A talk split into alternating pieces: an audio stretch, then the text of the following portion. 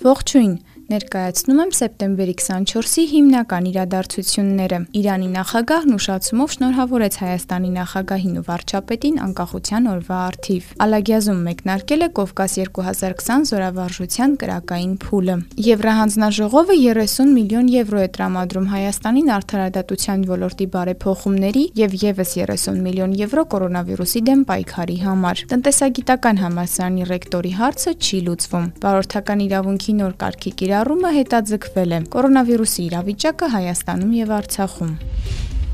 Իրանի նախագահ Հասան Ռոհանին սեպտեմբերի 24-ին ուշացումով շնորհավորել է Հայաստանի նախագահին եւ վարչապետին սեպտեմբերի 21-ի անկախության տոնի արդիվ։ Նիկոլ Փաշինյանին հղած ուղերձում Իրանի նախագահն ասել է, որ երկու երկրների ժողովուրդները կարողանալու են կառուցողական ու բարեկամական հարաբերությունների հարցով օրինակ ծառայել աշխարհի երկրներին։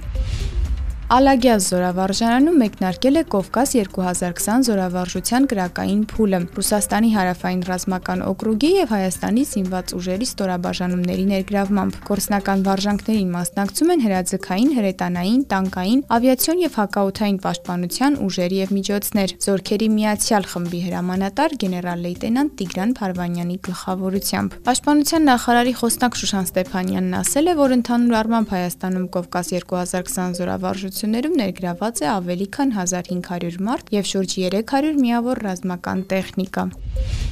Եվրոպական հանձնաժողովը 30 միլիոն եվրո է հատկացնելու Հայաստանին արդարադատության ոլորտում բարեփոխումների համար ու եւս 30 միլիոն կորոնավիրուսի դեմ պայքարի համար։ Ֆինանսավորման համաձայնագրով 30 միլիոն եվրոից 3 միլիոնը տրամադրվելու է արդարադատության ոլորտում տեխնիկական ապահովման ու խորհրդատվության ծառայությունների համար, իսկ մնացածը 3 հավասար մասնաբաժիններով հատկացվելու է պետբյուջեին։ Ծրագրով հատկացված գումարն ուղղվելու է համապարփակ եւ ընդլայնված համագործակցության համաձայնագրով Հայաստանի պարտավորված քայլերի իրականացմանը արդարադատության ոլորտում։ Ծրագրի ընդհանուր նպատակն է հնարավոր դարձնել արդարադատության ոլորտում օրենքի գերակայության եւ կոռուպցիայի դեմ արդյունավետ պայքարի ապահովումը։ 30 միլիոն եվրո էլ տրամադրելու է Հայաստանի կառավարությանը կորոնավիրուսին դիմակայելու համար։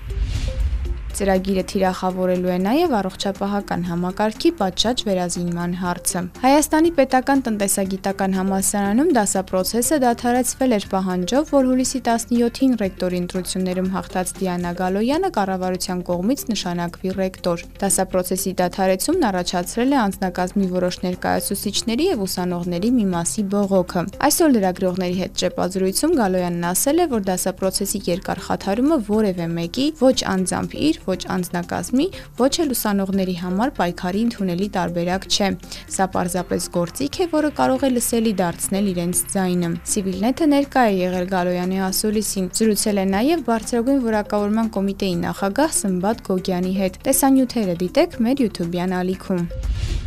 Սեպտեմբերի 24-ին ընդունվեց որոշում կառավարության վարորդական իրավունքի ստացման կարգի փոփոխությունների մասին որոշումների ուժի մեջ մտնելու ժամկետները հետաձգել առնվազն մինչև տարեվերջ 2021 թվականի հունվարի 1։ Կարգավորումները հնարավորություն կտան ներկայում գործող կարգով ապահովել վարորդական իրավունքի վկայական հատկացնելու պատշաճ գործընթացը, խուսափելով նոր հերթերի գոյացումից։ Կառավարության այդ որոշումները վերաբերում էին վարորդական իրավունքի քննությունների գործընթացին, որոնք պետք է ուժի մեջ մտնեին 2020 թվականի սեպտեմբերի 27-ին։